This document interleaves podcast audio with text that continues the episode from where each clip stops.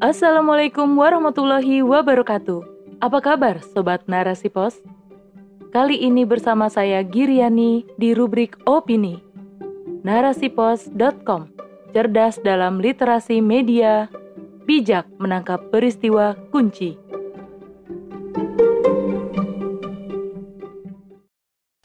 Berhentilah bersikap pragmatis.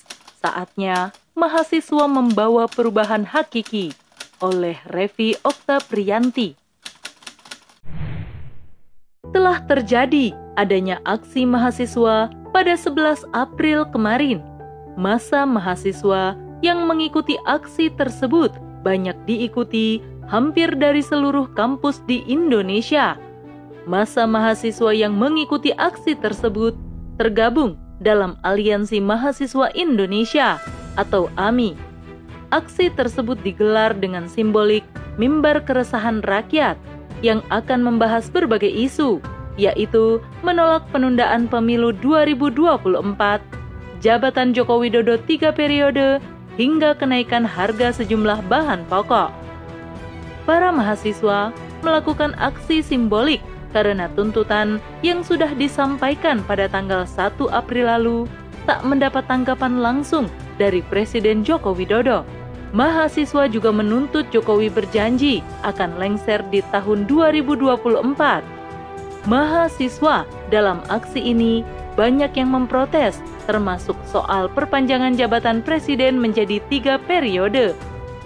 Banyak mahasiswa yang menggugat untuk memberhentikan seorang presiden Joko Widodo dari jabatannya karena selama masa jabatannya telah banyak membuat negeri ini semakin menderita dan kesusahan bagi rakyatnya.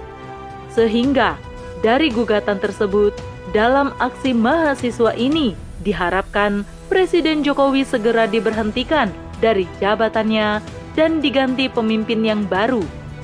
Aksi tersebut munculnya dari keresahan yang diderita selama ini, khususnya oleh mahasiswa. Maka, adanya aksi tersebut untuk mengeluarkan keresahan yang mereka rasakan dimulai dari kelalaian pemimpin dan masalah negara lainnya, serta mengeluarkan aspirasi mereka terhadap penguasa. Semangat mahasiswa dalam aksi tersebut juga sebagai bukti bahwa kepedulian terhadap masalah negeri ini masih ada.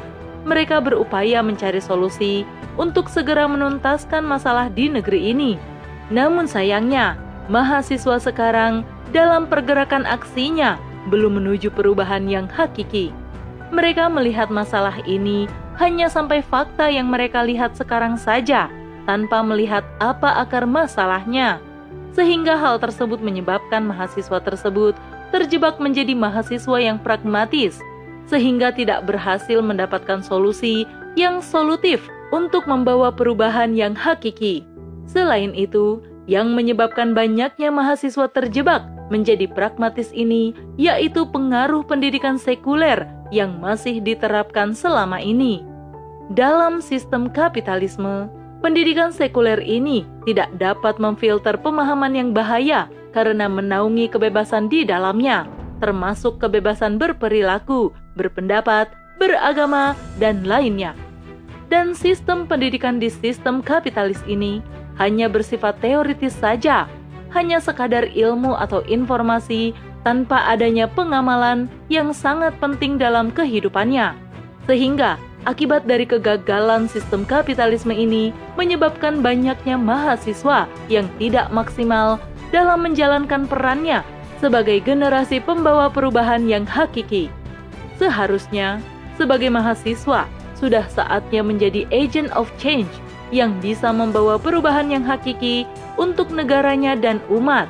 Karena seorang pemuda merupakan yang diharapkan untuk melakukan perubahan kebaikan bagi negaranya.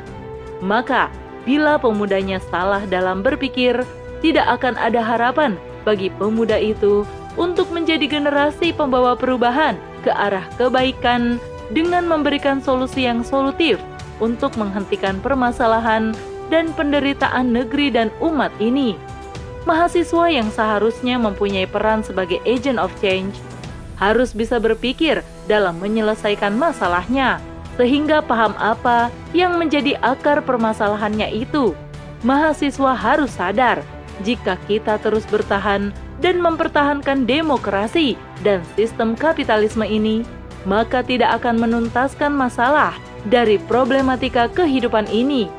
Karena sudah terpampang jelas bahwa sistem kapitalisme ini telah rusak dari awalnya dan merupakan biang masalahnya. Meski banyak mahasiswa yang menggugat untuk meminta pemberhentian Presiden Joko Widodo dan mengganti dengan pemimpin yang baru, itu sangat mustahil untuk bisa menghentikan permasalahan negara dan penderitaan umat ini karena sistem yang sedang kita terapkan di negeri ini merupakan sistem kapitalisme yang mana aturannya merupakan aturan yang berasal dari manusia. Maka dari itu, sudah seharusnya kita berganti ke sistem Islam dalam upaya menyelesaikan problematika kehidupan ini. Islam merupakan solusi yang mampu menyelesaikan problematika kehidupan, karena Islam merupakan aturan yang langsung diturunkan oleh Allah Subhanahu wa Ta'ala, Sang Pencipta alam semesta kehidupan ini. Wallahu a'lam bishawab.